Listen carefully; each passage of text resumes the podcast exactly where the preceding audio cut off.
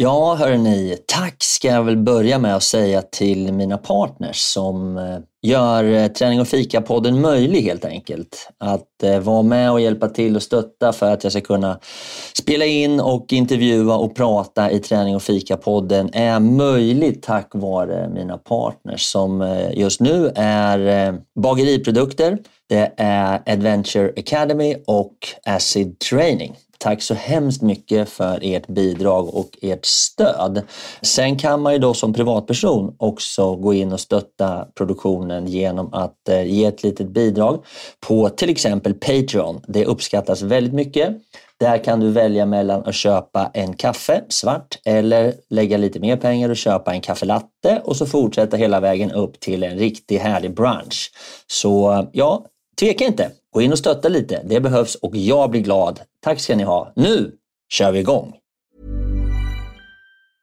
When you're ready to pop the question, the last thing you want to do is second guess the ring. At BlueNile.com you can design a one-of-a-kind ring with the ease and convenience of shopping online. Choose your diamond and setting. When you find the one, you'll get it delivered right to your door. Go to Bluenile.com and use promo code LISTEN to get $50 off your purchase of $500 or more. That's code LISTEN at Bluenile.com for $50 off your purchase. Bluenile.com code LISTEN. Ever catch yourself eating the same flavorless dinner three days in a row? Dreaming of something better? Well, HelloFresh is your guilt free dream come true, baby. It's me, Gigi Palmer. Let's wake up those taste buds with hot, juicy pecan crusted chicken or garlic butter shrimp scampi. Mm. Hello Fresh. Stop dreaming of all the delicious possibilities and dig in at HelloFresh.com. Let's get this dinner party started. I'm Sandra, and I'm just the professional your small business was looking for. But you didn't hire me because you didn't use LinkedIn jobs. LinkedIn has professionals you can't find anywhere else, including those who aren't actively looking for a new job but might be open to the perfect role, like me. In a given month, over 70% of LinkedIn users don't visit other leading job sites. So if you're not looking on LinkedIn, you'll miss out on great candidates like Sandra. Start hiring professionals like a professional. Post your free job on linkedin.com/people today. Men det har varit viktigt för dig att vara bra. Är det så? Alltså, allt är relativt Linda. Jag, vet inte, jag kan inte säga, problemet är att jag inte är riktigt bra. Jag är inte bra på något liksom. Jag är så här jag är halvbra på det mesta liksom, och det blir inte så att jag blir riktigt bra på något. Buongiorno som man eh, brukar säga här i Italien där jag håller till just nu. Jag är i Marcialonga och eh, ska köra ett poddavsnitt som är väldigt, väldigt speciellt. Så eh, jag önskar er varmt välkomna till, ja, får man säga, Lindas värld. Hon ska ställa mig mot väggen, så det känns lite oroväckande, men spännande. Och framförallt intressant att höra vad jag kan dra för äh, stories. Hörni, varmt välkomna till Träning och fika med mig och idag med Linda. Nu kör vi igång! Träning och fika, vi kör hårt. Träning och fika, blåsa på. Träning och fika går ihop som kaffe och popcorn. Träning och fika, vi kör på. Träning och fika, blåsa på. Träning och fika, nu kör vi! Nu kör vi! Yeah! Ja, varmt välkomna säger jag då till Träning och fika-podden och Fredrik Eriksson som jag idag ska intervjua här tänkte jag. Så idag tänkte jag ta över podden försöka mig på en liten intervju på Fredriks eh, väldigt spännande liv. Och vi får väl se hur gott det går, om han kommer låta mig styra här. Men vi får se. Eh, varmt välkommen Fredrik! Ja, tack! Det här känns jättekonstigt. ja, men det, kommer, det blir kul. Jag tycker det ska bli jättekul. Du har noll se. kontroll. Jag, det är fortfarande, jag sa jag det till dig lite. innan Linda, att det är fortfarande, jag, jag har ju fortfarande liksom, jag kan ju set, jag, det är jag som måste trycka på knappen för liksom att det ska gå ut i eten i slutet. Så är det bara massa jidder från mig så då kanske det här aldrig blir av. Ja, men precis. Du eh, kan ju klippa bort saker och sådär. Så att eh, vi får väl se vad det blir. Men hur mår du? Och vad gör du? Ja, men jag mår fantastiskt bra. Jag är ju i Marcialonga, som, eh, alltså i, i, i Cavallese, Val di Fiemme, alltså i norra Italien för att åka det här eh, eh, väldigt, väldigt trevliga fina loppet på sju mil eh, som heter Marcialonga, den långa marschen. Och den har jag ju kört många, många år. Jag tror det här är mitt eh, så här, 14 lopp eller sånt där. Så, så är vi här ett helt gäng. Jag tror vi är 22 stycken åkare från CCC 1000, alltså mitt skidnätverk som är här. och eh, Ja, men så på söndag loppet idag har vi varit nere och hämtat eh, nummerlapparna och jag sitter här och käkar en eh, Enervit Power Crunch och dricker lite vatten. Laddar inför handbollsmatchen ikväll. Sverige ska spela mot Frankrike. Så att, nej, men livet är toppen. Solen skiner, det är plus fem grader, superbra med snö och eh, ja, kan inte bli bättre. Härligt. Här i Stockholm är det nollgradigt, regn och is på gatorna. det är väl våran tillvaro. Jag har hört att det är helt galet hemma mm. med alla håller på att trilla. Mm. Det är galet faktiskt. Men du, det här måste vara något som går till världshistorien. För att dricker du inte kaffe? Idag dricker jag inte kaffe. Jag druckit så mycket kaffe. Eh, jag var uppe och åkte skidor på förmiddagen. Jag har säkert druckit fem koppar redan.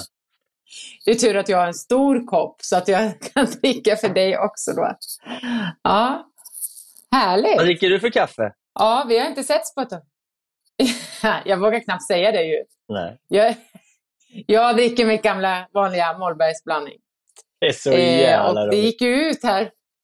Det gick ju ut faktiskt här på Instagram och, och det var ju många som höll med mig om hur gott Mollbergsblandning är, måste jag säga.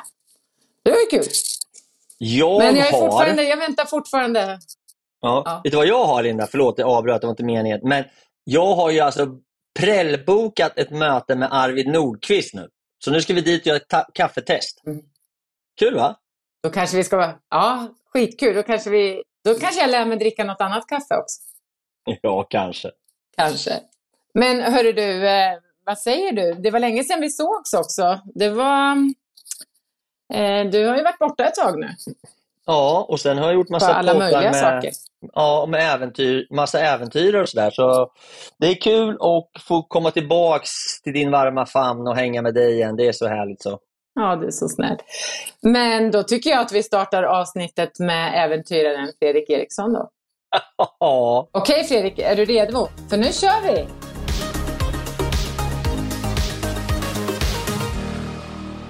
Men eh, jag tänkte så här Fredrik, att jag tänkte jag skulle intervjua dig lite idag. Jag känner ju dig, jag har eh, känt dig sedan 2019. Eller 2018 när jag ansökte till eh, eh, Adventure Academy. Då träffade jag dig första gången. Och sen så har ju jag fått förmånen att jobba med dig nu sedan 2021. 20, 2021. Det är helt galet faktiskt. Eh, att tiden går så fort. Men och jag tror som lyssnarna och jag, en del känner ju dig, vet om att du har eh, åkt genom Sverige på rullskidor, genom Europa. Så jag tänkte inte att vi skulle prata så mycket om det. Vi kanske kommer in på det ändå. Men jag tänkte, jag skulle vilja veta vem som är, vem är Fredrik Eriksson? Och då så är det ju så här att många vet att du är ju från Örebro. Så vi kan väl börja där. I Örebro? I Örebro. Du föddes i Örebro då antar jag? Nej, det gjorde jag faktiskt inte. Jag föddes i Malmö. Så jag, jag bodde i Malmö ja, mitt första levnadsår. Och sen så tog mina föräldrar sitt pick och pack och flyttade till Örebro för att de jobbade med skoimport eh, och, och även med i sport, alltså import av sportprylar, Atomic eh, skidor och Förkel skidor och sådär. Så då tyckte de att Örebro låg bra till logistikmässigt. Så de kände ingen, de bara flyttade dit. Och då, och då var jag ett år sedan. Så jag är liksom, jag är ju skåning, men närking är jag ju egentligen. Så jag har ju bott hela mitt liv i, i Örebro. Jag älskar Örebro. Du älskar Örebro. Ja, det har ingen undgått tror jag. Men eh, ja, och du eh, gick i skola där antar jag då, på, på eh, grundskola och gymnasium och så?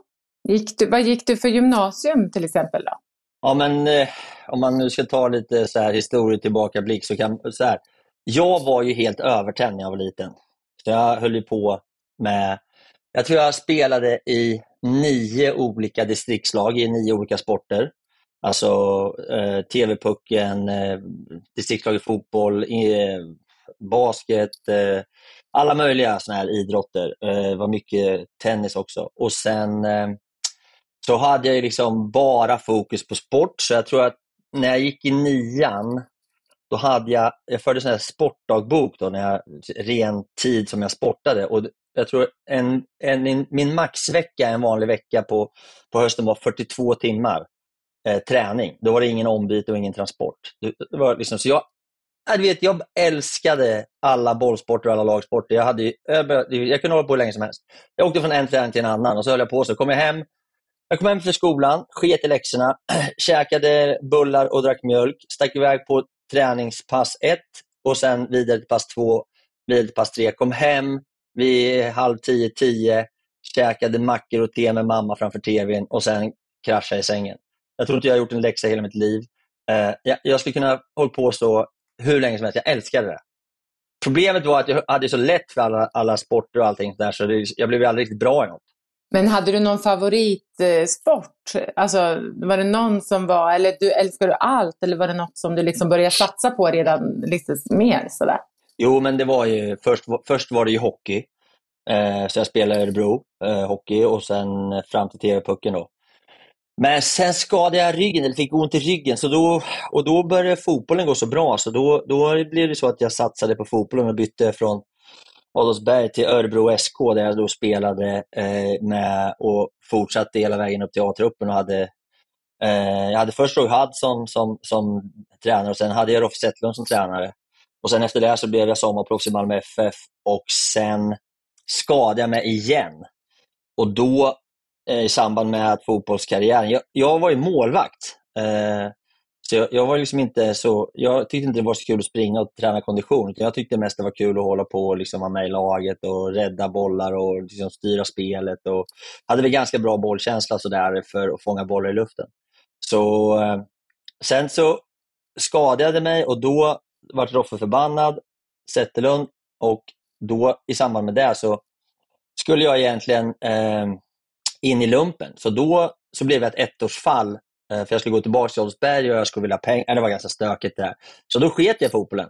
Och så gjorde jag lumpen på spaningskompaniet i Örebro och i samband med det sen så började jag spela amerikansk fotboll i Örebro, Örebro Black Knights. Så jag gjorde väl Örebro Black Knights första touchdown och sen så spelade jag med Örebro Black Knights i eh, fem eller sex säsonger och hela vägen ifrån division tre eller vad det var, fyra, eller sen var det tvåan, ettan, superserien och sen spelade vi spelade vi Superserien eh, och jag var wide receiver och kick och punt return. Så det var, ja, det, och sen efter det, eller efter lumpen, så började jag på universitetet i Örebro och pluggade då eh, ekonomi. Eh, och sen efter Örebro så fortsatte jag och läste min magister i Uppsala. Härligt! Alltså du, nu drog du alla mina frågor här, så det är bra. Man kan tro att du har skrivit manus. ja, det har jag inte. Ja, nej, det har du ju faktiskt inte. Eh, ja. Så att med andra ord så har ju du alltid varit eh, att tränat alltså, jävligt mycket som du fortfarande gör. Alltså så, varje dag, typ. Alltså du gör ju det.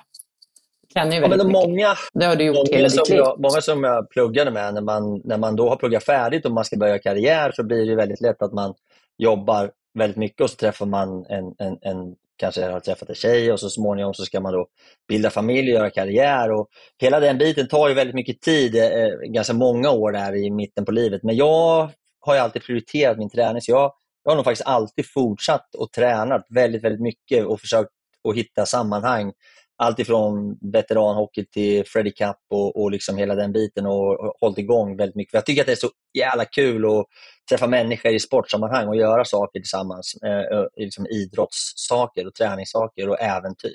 Men jag tänker på um, när du, eh, när började du liksom åka skidor? Jag antar att du kanske har åkt skidor då hela, hela, hela tiden också. Men, men när började du liksom, för nu åker du ju mycket, nu är ju livet skidor, mycket skidor. När började det? Liksom? Ja, men min, I och med att mina föräldrar hade agenturen för Atomic så, och så hade, vi, eh, hade de tre hus uppe i Sälen och från Örebro till Sälen är det bara tre timmar ungefär. Så jag har ju växt upp på alpinskidor i Sälen och, och tävlat i alpint och, och liksom, vi var där väldigt mycket och jag tror jag hade mina första skidor. Jag föddes ju 4 januari så första gången jag stod på skidor uppe på Högfjällshotellet med mina föräldrar, då var jag inte ett år ens. Och, och, och så hade jag tydligen sagt till mamma och pappa att stod mellan benen på pappa och så hade jag tittat upp och sagt jag vill ner till jorden igen. Jag tyckte det var så högt. Liksom.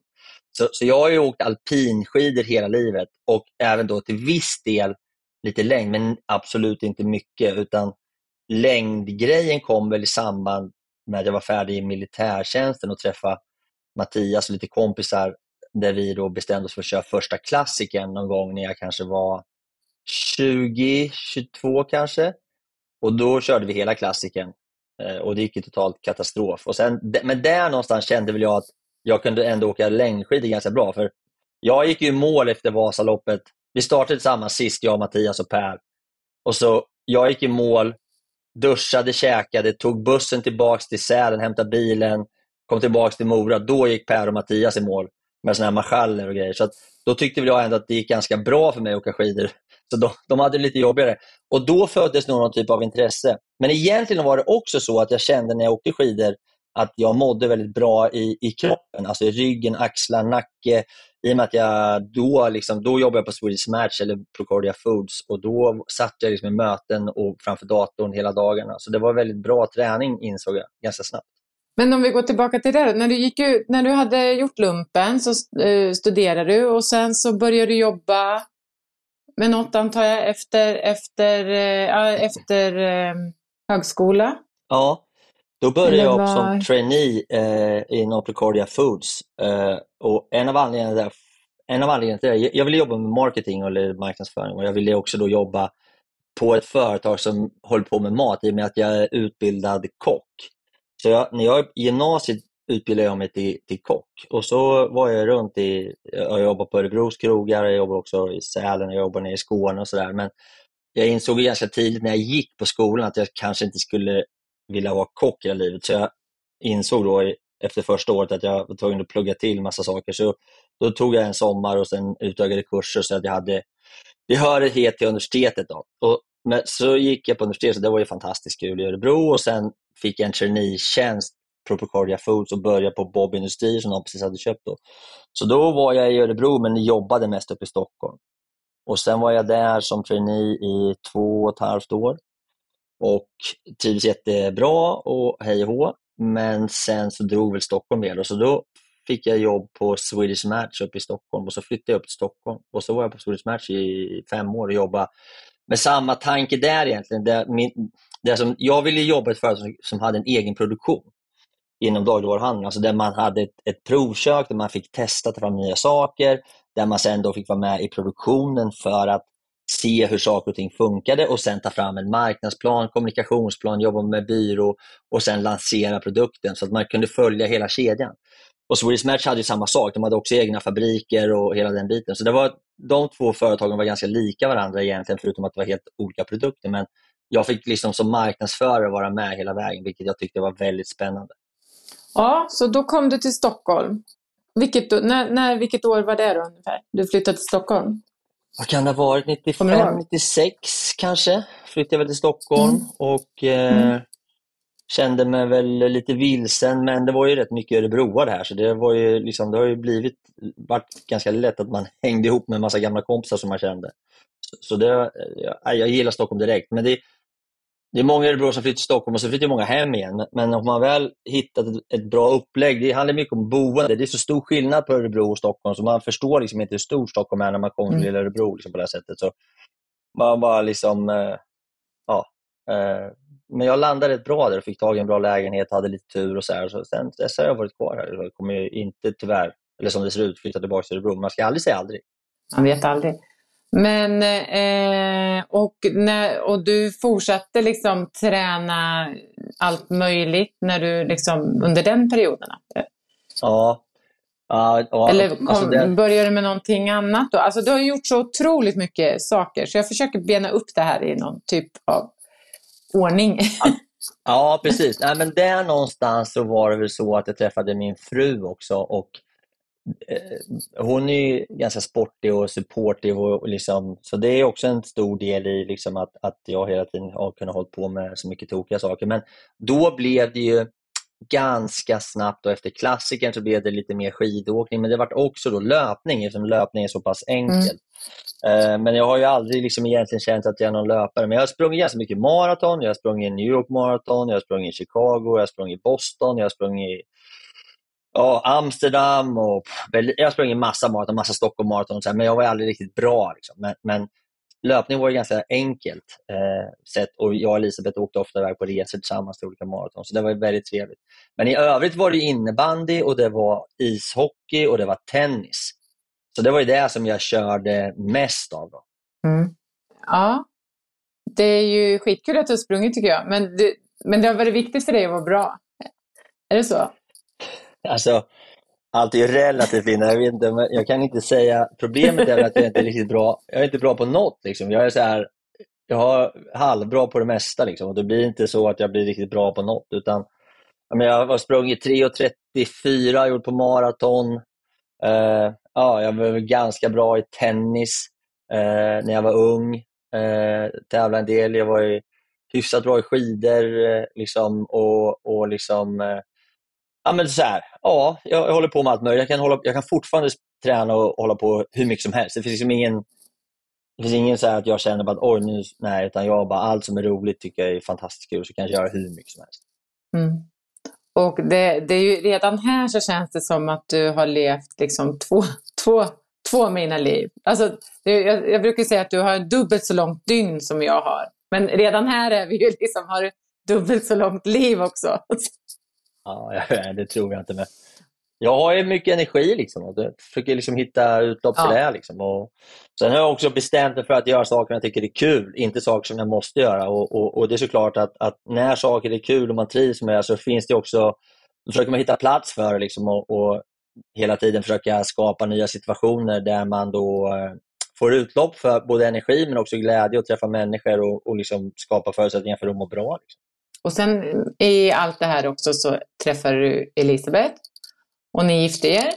Och så, fick ni, så har du ju barn, du har ju familj. Mm. Tre barn. Tre barn va? Mm. Tre små barn. Tre Jaha. stora barn.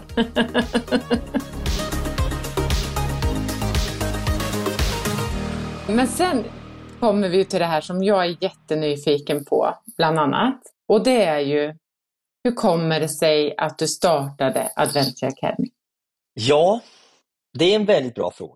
Alltså så här, jag har ju alltid blivit, jag blir väldigt lätt inspirerad av människor som gör bra saker, som gör tokiga saker, som gör saker som inte är gjort. Till exempel så tyckte jag att det var helt mindblowing när Göran Kropp cyklade ner till, till Mount Everest, gick upp utan syrgas och cyklade hem. För mig var det så här, det är ju så coolt och så galet så att jag, liksom, du vet, jag var tvungen att nypa mig själv i armen. Och Då inser man liksom att just sådana här saker där man kanske då vågar göra helt galna grejer. Sen kan man diskutera hur vettigt eller dåligt eller bra men jag tyckte bara att det var så fantastiskt.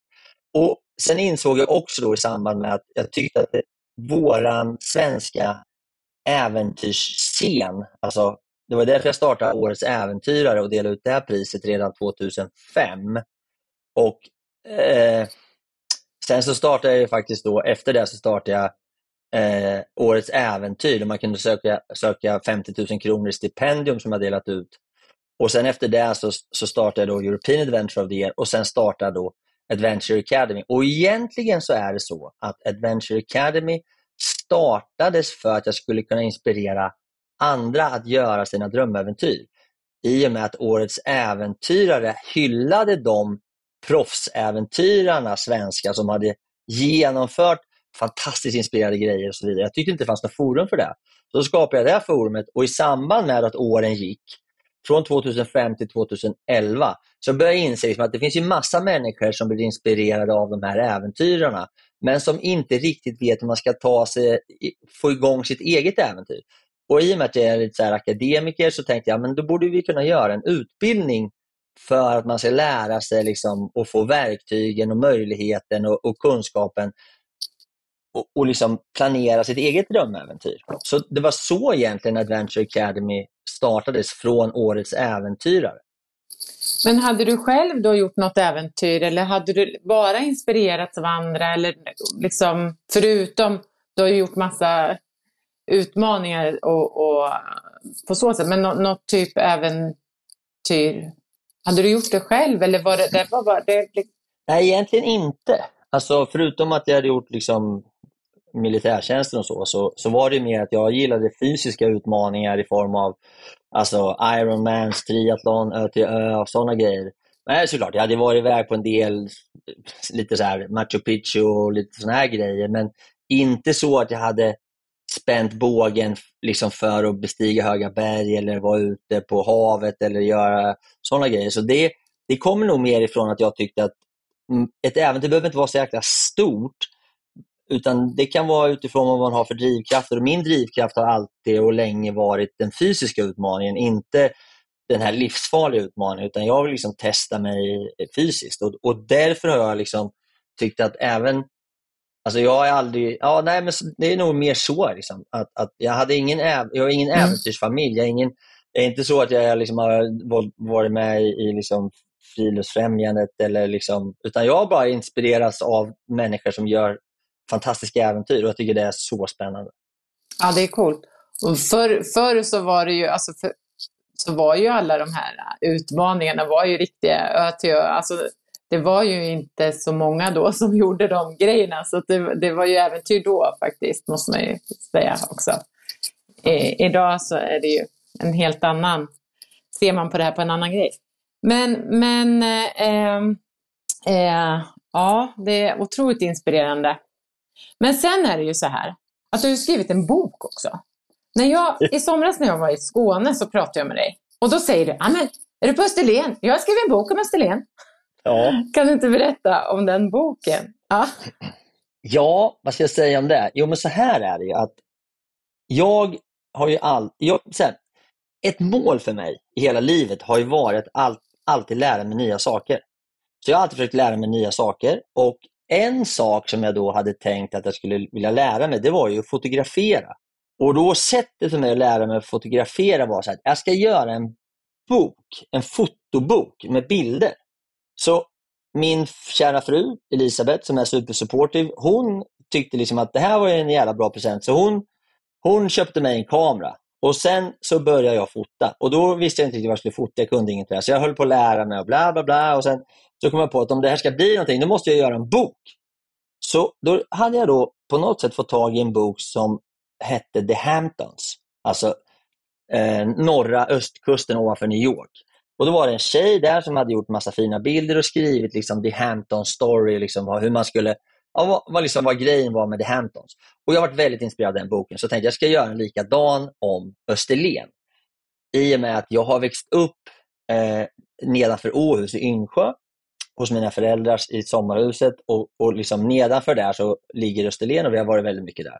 Och Österlen är väldigt speciellt och under den här tiden då så var det också en väldigt stor och stark eh, liksom, utvecklingsdel i, i Österlen på restaurangfronten. I och med att jag är restaurangkille och gillar mat och så vidare så tänkte jag att jag gör en stilsäker guide till Österlen. Så det var den boken som jag då egentligen åkte ner och fotade och intervjuade och så småningom då eh, producerade och, och sålde. Så jag startade även ett förlag, faktiskt, ett bokförlag. Så, eh, som jag, hade, så jag gjorde en bok till, En stilsäker guide till Södermalm, som jag också tyckte var speciellt. Så jag gör samma sak där. Då. Eh, restauranger, kaféer och, och liksom matprofiler som jag intervjuade och fotade. Och så sålde jag de här böckerna till bokhandlar. Så jag tror liksom Södermalm sålde säkert i 5-6 tusen ex och Österlen sålde i sluten också. Så så, och Sen hade jag några andra böcker som jag hjälpte till att producera med, med Fredrik Eriksson som var kocken där för läkemedelsbolag och lite sånt där. Så jag höll på att snurra runt i lite förlag där i några år. alltså det är inspirerande, så det, det, är så roligt. Den här boken finns faktiskt att köpa på Bokus. Jag har, go jag googlade den idag, så den sant? finns att köpa på Bokus. ja. Riktigt bra bok. Eh, ja. ja, så himla spännande. Men men jag tänkte, så, sen du startade ju Adventure Academy och, och, och, har inspirerat otroligt mycket människor till äventyr och, och, och varit en stor del där. Och sen, men vad var ditt första, för sen har du ju gjort äventyr. Vad var ditt egentliga första äventyr då? Jag vet inte, det beror på hur man ser det men, men liksom det som var om vi tänker på... Gjort, ja. Riktigt, ja, som jag gjorde så. Det var nog egentligen när jag åkte rullskidor genom Sverige tror jag. Det var det som jag hade gått och mm. drömt om ganska länge och se om det skulle gå och om jag skulle klara det och liksom använda alla de teorier och kontakter och liksom erfarenhet som jag hade skaffat mig under alla år för att stretcha lite grann på mig själv. Då, för att både vara ensam och bo i tält och ta mig igenom och planera och få finansiering och sen eh, då göra en film som jag tyckte var väldigt spännande och se om jag kunde göra en dokumentärfilm, vilket jag gjorde. Jag, jag fick den nominerad på filmfestival och jag lyckades sälja den till en tv-kanal. Så jag liksom hade såna här olika check som jag ville lära mig att göra och jag lyckades tror jag med, med i princip allihopa. Det var kul. Mm. Mm. Så du gjorde ju egentligen ett eh, det man lär sig på Adventure Academy. alla de stegen var ju med i det äventyret. Och du gjorde det äventyret samtidigt som jag gjorde äventyret. faktiskt. Därför kommer jag ihåg det så. Och då vet jag att du sa till mig, att, eh, eller till mig, men till oss, att den största utmaningen var att vara själv. Men det har vi pratat om i en annan podd. Men så, så sa du då i alla fall. Det kanske har ändrats nu, för nu har du hunnit gjort några andra äventyr efter det. Ja, men jag tycker men, fortfarande ja. att det inte är så kul att vara själv. Så det är väl mer liksom, men jag har ju insett att det är bara, det är inga konstigheter. Jag kommer ihåg när jag gick på universitetet, då när man går liksom tillsammans med sina klasskamrater så gör man ju väldigt mycket tillsammans under de här åren. Man pluggar, man tentar och man gör grupparbeten och inlämningsuppgifter och så vidare.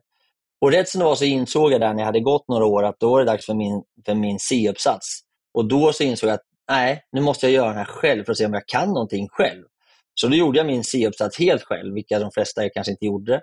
Sen gjorde jag även min D-uppsats själv för att testa om jag kunde liksom få till det utan stöd eller kompisar. Och det var samma sak då med det här äventyret. Jag ville testa om jag kunde vara själv. Så, och det funkar ju hur bra som helst. Och sen, sen gjorde jag också The Road Ahead 2 nu när jag åkte genom Europa. Då var jag också själv i princip. Så jag känner att jag, jag tycker, ja, men som jag sa från början, jag vill alltid försöka utvecklas och utmana mig själv och känna att jag lär mig något nytt. Och det första äventyret var ett stort projekt, men en del i var, var ju att vara själv. Ja, roligt. Men sen, sen har du ju startat också eh, Acid Training. Som är, om du frågar mig, en fantastiskt rolig träning. Och bra träning på alla sätt. Men hur kom det sig? För det, det var det också 2011? Nej? Ja. Nej. Nej, det, var, nej, det var, det var ja. senare. Det har funnits i sju, åtta år. Ja. 17? Det är väl sju, 17, ja, precis, 17 ja. kanske? Ja, så det är nog åtta mm. år nu. Mm. Uh, nej, men det grundar sig väl egentligen i att jag startade CCC 1000. Alltså mitt alltså skid, skidnätverk med chefer och vd som vill prestera på Vasaloppet. Som jag startade 2011. Och under den här tiden med de här cheferna och vdarna så vart det så otroligt bra träning. De vart så jäkla bra. Eh, det gick så bra. Och Då började jag fundera på hur det här skulle gå till. Och Då var det en kille som hette Anders Eriksson. Som, det händer till som tätt att folk hör av sig till mig och säger att jag vill börja göra saker med dig Fredrik. Och, och, och Han var en sån här kille som bara, ja, jag, vi känner inte varandra, men han ringde och sa, hej kan vi ta en fika? Jag har hört så mycket om dig, jag skulle vilja göra någonting med dig. Ja, alltså, jag visst så. Och då så, eh, så sa jag till honom vid första mötet, det kommer jag aldrig glömma. Vet du vad Anders? Han var PT och jobbade på, på ett eh, så fint gym och på Grand Hotel och så här. Jätteduktig kille. Men han ville då starta någonting och jag sa till honom, två saker kommer jag aldrig starta. Så jag. Det är ett gym och ett café. Sen gick det ett tag och så gick jag och funderade på det. Han hade massa förslag om olika gymupplägg och så vidare. Till slut så sa jag så här, nu har jag gått och funderat lite grann. Vi kan, vi kan starta acid training som går till så här. För att jag tittade på vad som var lyckat för de här som åkte skidor. Och Det var ju gruppträning, det var med ledare, det var med tydligt mål, ett tydligt sammanhang och att man körde hårt och att man testade sig. Så acid training är egentligen en utveckling av gruppträning med tränare med musik och pulsband för att komma upp i puls och få den träning som är svår att göra själv. Liksom. Hård intervallträning. Fantastiskt rolig träning. Det kan vi rekommendera alla här att testa på. Eh, och otroligt jobbig och, och ja, herregud vad du hinner med grejer alltså. Det är nästan så jag känner så här, vi har suttit 40 minuter snart. ja. ja, så då var det acid training. Och sen så efter det så kommer vi, då, då är vi ju liksom inne på, vad, vad hände efter det? Men däremellan så var, ju, det, var jag ju delägare i Team Nordic Trail med Erik Forsgren och Miranda Kvist. Så där var jag också delägare var med då. Det var ju i samband med att jag sprang och sprang mycket i skogen och, och höll på med det. Så, så vi tre drev ju det bolaget ganska länge. Eh, sen vart eh, Miranda och Erik osams och jag kände att mitt knä hade pajat precis och kunde inte springa i skogen längre. Så då skildes jag och Miranda också och jag lämnade det bolaget. Men det var också en fantastisk resa att vara med och bygga upp TNT, Team Nordic Trail, då, tillsammans med Erik och, och Miranda den här tiden och, och, få folk att börja springa i skogen. Som sen då så småningom landade i Stockholm Swimrun, alltså swimrun-grejen. Där jag då körde mitt liksom första ö till ö och varit superinspirerad av möjligheten att springa och simma i, eh, liksom, och, och, startade då eh, eh, den femte tävlingen på, i världen inom swimrun som heter Stockholm Swimrun som var ett jättestort evenemang länge. Och Det kom egentligen från Team Nordic Trail, jag älskade att springa i skogen. Men sen så småningom då så blev mitt knä för kass för att springa med. Liksom. Och då la jag också ner nu, för, förra året la jag ner Stockholm Swimrun.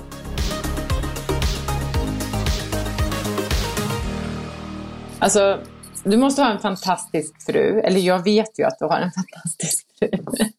Men jag förstår inte hur du... Ja, ja så är det ju. Hon snäll. Men hon är snäll och förstående all heder till Elisabeth. Ja, verkligen. Och det, alltså så här, om man nu ska diskutera med fru, jag vet att hon hatar det här, men det är väldigt, väldigt ofta som hon får frågan av sina tjejkompisar hur hon hur jag då kan få och hon är så snäll och bla bla bla liksom, och, och, så vidare. Och, och, och, den får ju hon ofta svara på och jag får nästan alltid frågan vad säger, hur liksom, vill inte Elisabeth och så här. Jag bara, men hon, är alltid, hon hänger med på massa saker och gör massa saker men inte allt. Liksom. Hon har inte det riktiga, riktiga behovet och, och liksom, men ja, nej, jag är väldigt, väldigt glad för att jag har en så förstående och peppande fru liksom, som också då eh, i, i, tar ett stort lass när det gäller hem och barn och sådär och låter mig fladdra runt som jag gör. Liksom. Och det, ska, liksom, det finns ingenting jag uppskattar mer än, än Elisabeth i hela världen. Ja, fint. Ja. All heder till Elisabeth säger vi. Eh, ja, och, men sen så eh, hade vi Acid och vi hade... Vad hände sen då? Sen har du väl haft något jobb? Du har jobbat lite kanske också va? Ja, precis. Det har jag såklart. Jag har startat en reklambyrå som, som jag driv, drev, har jag drivit länge. Eh, med, ja, jobbade inom reklam och kommunikation i massa, massa år. Jag har haft delägare och partners och massa kunder och personal och kontor och så vidare. Och sen så fusionerade jag ihop den med en webbyrå och eh, var, liksom jobbade tillsammans inom IT och webbproduktion under eh, ganska många år och sen så bara kände jag att nej, nu, ska det, nu skjuter jag ut mig från det här. Så då så sålde jag min andel i det som då var webbyrån och eh, har sedan dess, då, kanske senaste två åren, levt som eh, ja, äventyrare, föreläsare, poddare, äh, men liksom lökat runt lite grann och haft det rätt bra liksom, och, och försöker göra äventyr. Äventyr varje år egentligen då, och sen försöka hålla så mycket föreläsningar och inspirera så mycket människor som möjligt genom Adventure Academy, Acid Training, CCC 1000, podden Träning och fika som vi håller på med nu, men också då föreläsningar och, och sådana saker. Så att, ja, jag, jag försöker liksom få min, min tid att fördelas på de här olika verksamheterna, vilka jag tycker är kul. Och Sen har jag dessutom startat ett bolag med en annan kompis som heter Exxon och Jäger som handlar, där vi jobbar med filmproduktion. Eh, så det är också väldigt spännande, så det är kul. Och inte att förglömma 8 weeks och dedication. Ja, uh, jäklar. Glömde bort det. Det är väldigt viktigt. det är väldigt viktigt. Eh, som är ett fantastiskt eh, träningskoncept. Eh, där, där du har väldigt, ja, där du har bra coacher och så tänker jag. Väldigt bra coacher. Tack Linda. Nej då, men det startade någon gång 2020 va? Säkert? Ja, jag tror att det är fjärde året som vi kör. Du har ju faktiskt varit med från mm. början. Först så gick du med och gick eh, programmet och sen nu så har du då varit coach först och sen så är du anställd. Mm. Mm. Världens bästa anställda. Ja, du är snäll. Men sen, sen så kan vi faktiskt inte glömma, för att nu, vi pratar ju om att du har gjort en film, eh, du har gjort fler filmer. Vi pratade förut om att du har gjort en film om när du åkte igenom Sverige. Det var ju bland ditt första äventyr och det var 2019. Sen 2020 så gjorde du också ett, eller när gjorde du nästa äventyr sen? Ska vi se så inte jag har fel här. Nej, men eh, då, då åkte vi väl igenom USA på cykel tror jag. Just det. Mm. Just det, precis. Eh, och då, ja, precis. Och det finns ju en film om det också. En väldigt bra film. Eller alla ja, filmer är bra. Mm. Den är, men den är faktiskt lite otippat rolig. Eh, ja, det, men berätta. Ni var ett gäng som åkte till USA och bara cykla. Nej, men berätta lite. Ja, men eh, LA till New York, som, så här gick det till egentligen om man ska berätta historien om hur det kom till. Då var det så att när jag kom åkande på rullskidorna efter 26 dagar på väg ner mot Kristianstad i spöregn. Det regnade ju 20 dagar av 28 när jag åkte genom Sverige. I totalt spöregn så kommer en av mina Stockholmskompisar, mina gamla kompisar ner från Skåne som heter Jakob. Han dyker upp på cykel i regnställ och ska cykla med mig hela vägen hem till Yngsjö, för hans föräldrar har också sommarstuga där. Ja, så det var ju skitkul. Jag bara, helt värsta överraskningen. Så han och jag tillbringade ett par timmar där i regnet. Så han cyklade och jag staka. Och då så, så, så sa han så här, men vad, ska jag, vad, ska jag, vad är nästa äventyr? Så, så han. Jag bara, fan, vad menar du nästa äventyr? Ja, men vad ska jag göra sen? Jag bara, äh, vet fan. Nej, sa han. Vet du vad, sa han. Det finns en tävling som heter RAM. Ah, vad är det? Så? Äh, det är skitcoolt, sa han. Race Across America, R-A-A-M. Det ska du göra, tycker han. Jag bara, om jag alltid ville åka igenom USA, så jag. Det hade ju varit skitkul. Ja, alltså, hur går det till? Ja, men då så kör man som en galning så fort som möjligt från, från liksom västkusten till östkusten. Typ. Så här. Hopp. Fan vad tråkigt, jag kan inte hålla på och göra det själv. Det har jag, ingen, jag har varit själv nu i 20 dagar, liksom, eller 26 dagar. Jag har inget mer själväventyr, så. jag. Han bara, nej, vi gör det ihop, så. jag. Han bara, men det kan man inte göra. Jag bara, det gör vi visst. Det, det, det. Så, jag, så då började jag liksom fundera på det där. Och Sen så tog det kanske två månader när jag återhämtade mig och sommaren var över. Och så, här, så, så sa Jakob, ja, nu gör vi så här. Vi ska åka från Los Angeles på cykel över Las Vegas, Klippiga bergen, ner till Nashville, upp Appalacherna, för jag har alltid velat se Appalacherna. Och så ska vi gå i mål i New York. Du ska med. Han bara, va? Ja, fan. Ja. Vi åker eh, 2022, eller vad det nu blir för år. 20, ja, 2022. Han bara, okej. Okay. Ja, men jag tycker det låter spännande. Jag bara, bra. Och sen så sa jag så här, men jag tror nog att vi skulle vara några fler, för då kan vi liksom ligga i klunga och det blir lättare att hantera. Bla, bla, bla. Så började jag liksom prata runt med folk som ville hänga med och till slut så var det massa folk som ville med. Så sa men nu, vi kan inte vara mer än 12, så, för då började jag liksom räkna på logistik och så här. Så då så plockade jag ihop 12 polare eh, så, som, då, som började planera det här äventyret. Det var ett ganska stort äventyr, mycket logistik och det var, liksom helt, det var massa frågetecken kring hur vi skulle kunna hantera det.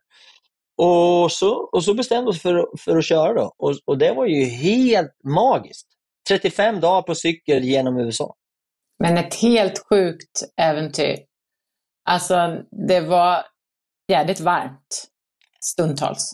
Ja, när vi åkte genom Death Valley, där eh, Nevadaöknen, då var det ju 54,2 grader som mest på cykelmätaren. Och vi cyklade då den, den längsta dagen där, då cyklade vi 31 mil, alltså ett Vätternrundan och körde Kebnekaise två gånger upp i höjd. Så det var ju helt galet. Mm. Det var Nej, men det var en av de tuffare dagarna eh, för, för hela det här gänget. Jag mådde som en prins. Jag var så stark och puttade folk upp i backarna. Och du vet, det var, jag tror aldrig jag varit så stark någonsin. Så, så det var ju jättekul för mm. mig att känna mig så stark. Eh, och Flera fick ju sätta sig i bilen och liksom, det var lite krishanteringar och lite sånt där. Men vi kom ju i, i mål och kom till Prim som det hette, en liten liten variant av Las Vegas som är luggsliten och, och, nästan öde. Men dit kom vi i alla fall sent på kvällen och var helt förstörda men överlyckliga. Och Det var ju den jobbigaste dagen i eh, genom USA. Då. Det var fjärde dagen. Men jag skulle rekommendera alla att titta på den här filmen, för den är ju eh, fantastisk. Och jag tror att den ligger på din, ligger länken på din hemsida till och med. Va? Fredrik ja, Eriksson. Och det finns även på min YouTube, YouTube-kanal, Fredrik Eriksson. YouTube-kanal. Mm. Mm.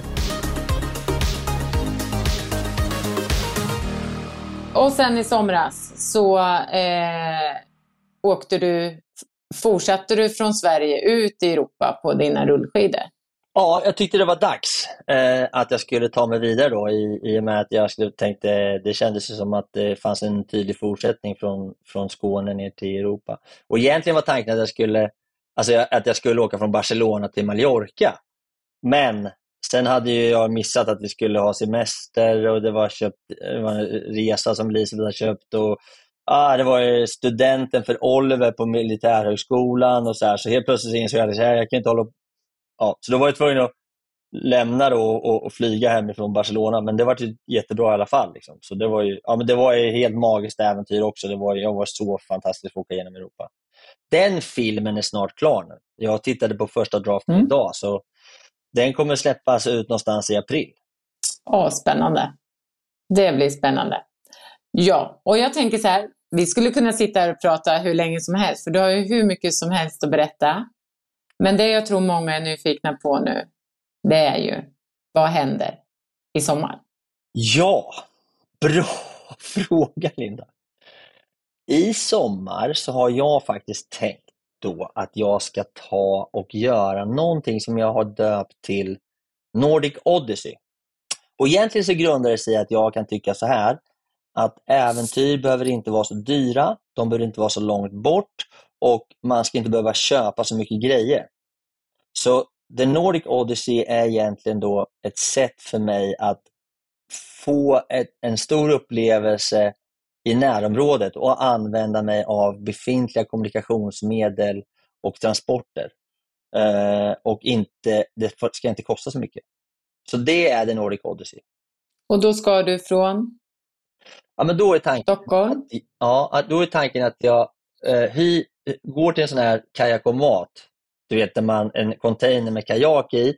Och så hyr jag en kajak ja, och sen så uh, ska jag försöka hyra en, en cykel, en gravelcykel. Och ska, det enda jag ska köpa har jag tänkt det är en sån här vagn till kajaken. Så ska jag häkta på kajaken på cykeln och så cyklar jag fram till Finlandsfärjan, eh, Viking Line eller vilken det nu är, som går till Helsingfors. Och så åker jag med cykeln och kajaken till Helsingfors, hoppar av färjan och tar ett kort framför slottet i Helsingfors. Och Sen cyklar jag med min kajak upp till Åbo. Eh, det är typ två, tre dagar. Och, sen, och så bor i tält. Och Sen så sätter jag cykeln på färjan och försöker få tag i någon som kan hjälpa mig att liksom lasta av cykeln och låsa fast den i något staket där när jag, kom, när jag kom till Stockholm. Och så paddlar jag med kajaken då, eh, i finska skärgården hela vägen eh, ända ut till, Kap, eh, till, till eh, vad heter det, det heter ju eh, Mariehamn. Alltså där. Och, och, Då tar jag upp kajaken och så hoppar jag på en finlandsfärja som går från Mariehamn till Kappelskär.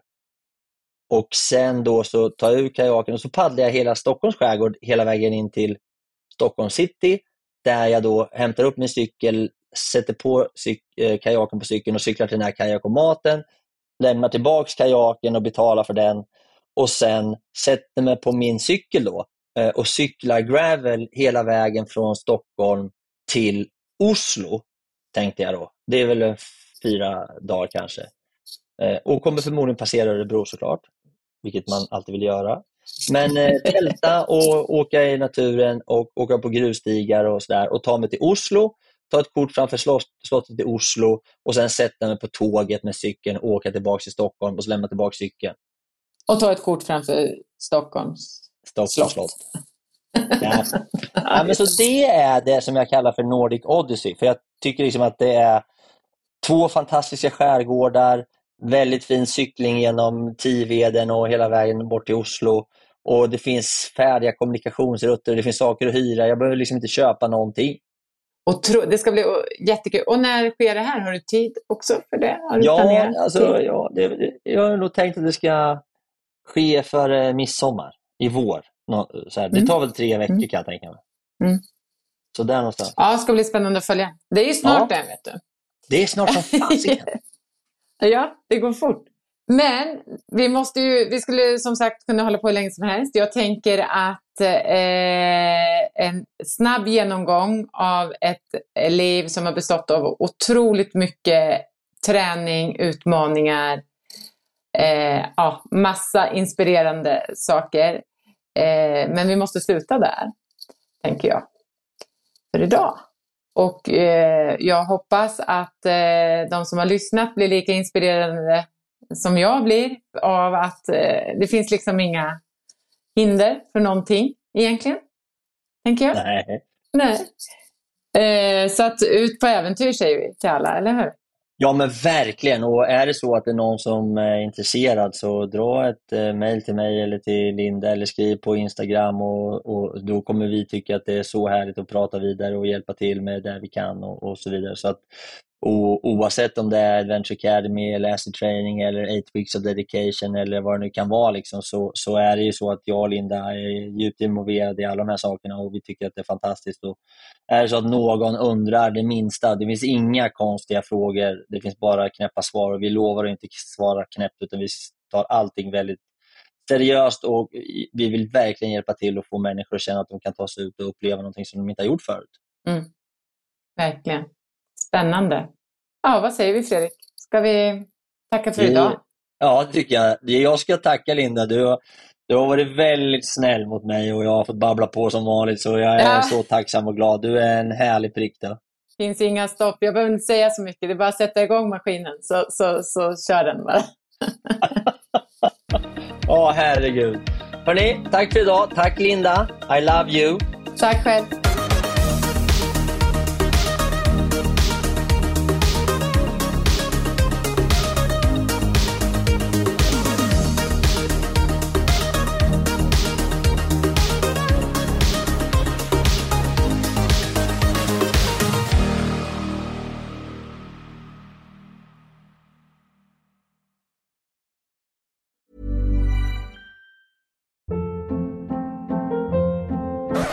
Hold up. What was that? Boring. No flavor. That was as bad as those leftovers you ate all week. Kiki Palmer here, and it's time to say hello to something fresh and guilt-free. Hello Fresh. Jazz up dinner with pecan-crusted chicken or garlic butter shrimp scampi. Now that's music to my mouth. Hello Fresh. Let's get this dinner party started. Discover all the delicious possibilities at hellofresh.com.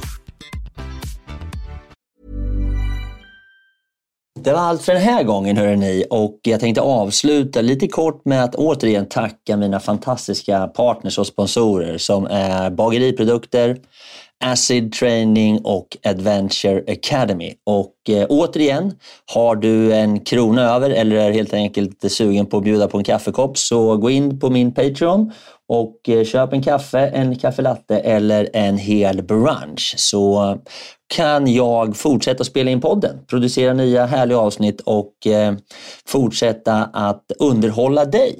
Hoppas du har haft en fin lyssning och att vi snart hörs igen. Tack så mycket. Hej då!